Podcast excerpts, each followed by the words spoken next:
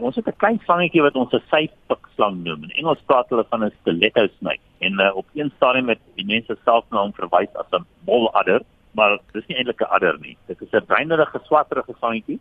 Dit is gemiddeld so 30-40 cm lank. Hulle kom uit in die aand, al na reën en uh, baie dikwels baie hulle mense se swemmerings op en die mense sal nou die slangetjies nou met 'n net uithaal en dan probeer hulle hom agter die kop optel soos wat mense dink goed is. En die probleem met die sypikslang is dit 'n redelike groot giftande wat aan die kant van die bek kan uitsteek. Apart hy, hy hoef nie altyd gelyk uit te steek nie, hy kan een op 'n slag laat uitskaneer. En as jy nou hierdie slangetjie agter die kop vashou soos wat mense soms doen, dan draai net sy kop skuins en een van die giftande kry jou. So as jy 'n sypikslang optel, gaan jy verseker gebyt word. En uh, die gif is baie sterk sitotoksies dit veroorsaak onmiddellik pyn en swelling. Die baie baie jou byt word dan donker, dit word pikswart en wat baie dikwels gebeur is daai slagoffers verloor daai vinger of duim oor 'n week of twee.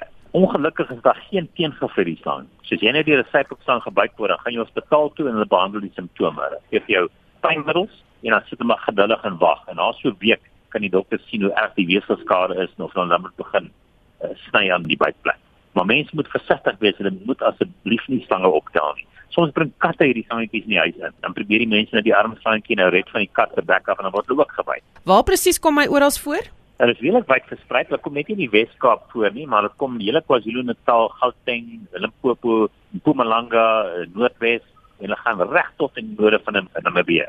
So dit is baie wyd versprei. Selfs dele van die, die oostelike dele van die Noord-Kaap, dele van die Vrystaat. So mense moet asseblief versigtig wees vir die klein donker sandjies. Vir een of ander rede dink hulle dit lyk soos 'n molslang. Hulle lyk eintlik glad nie soos 'n molslang nie. Maar hierdie stomp koppie en klein oë.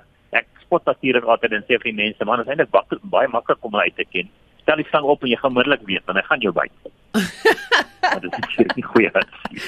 Ja, nee, dis is seker goeie advies nie. Beter advies is dalk net gaan weer daai webblad of miskien 'n telefoonnommer sou iemand staan ja, teekom ja, en hulp nodig het. As die mense slang sien, hou 'n veilige afstand, bly meer as 4 of 5 meter weg van die slang af maar hom dop want hulle verdwyn gou en daar een van ons slangvangers en ons het 'n lys van hulle op ons webblad die webblad is African Snake Bite Institute as een woord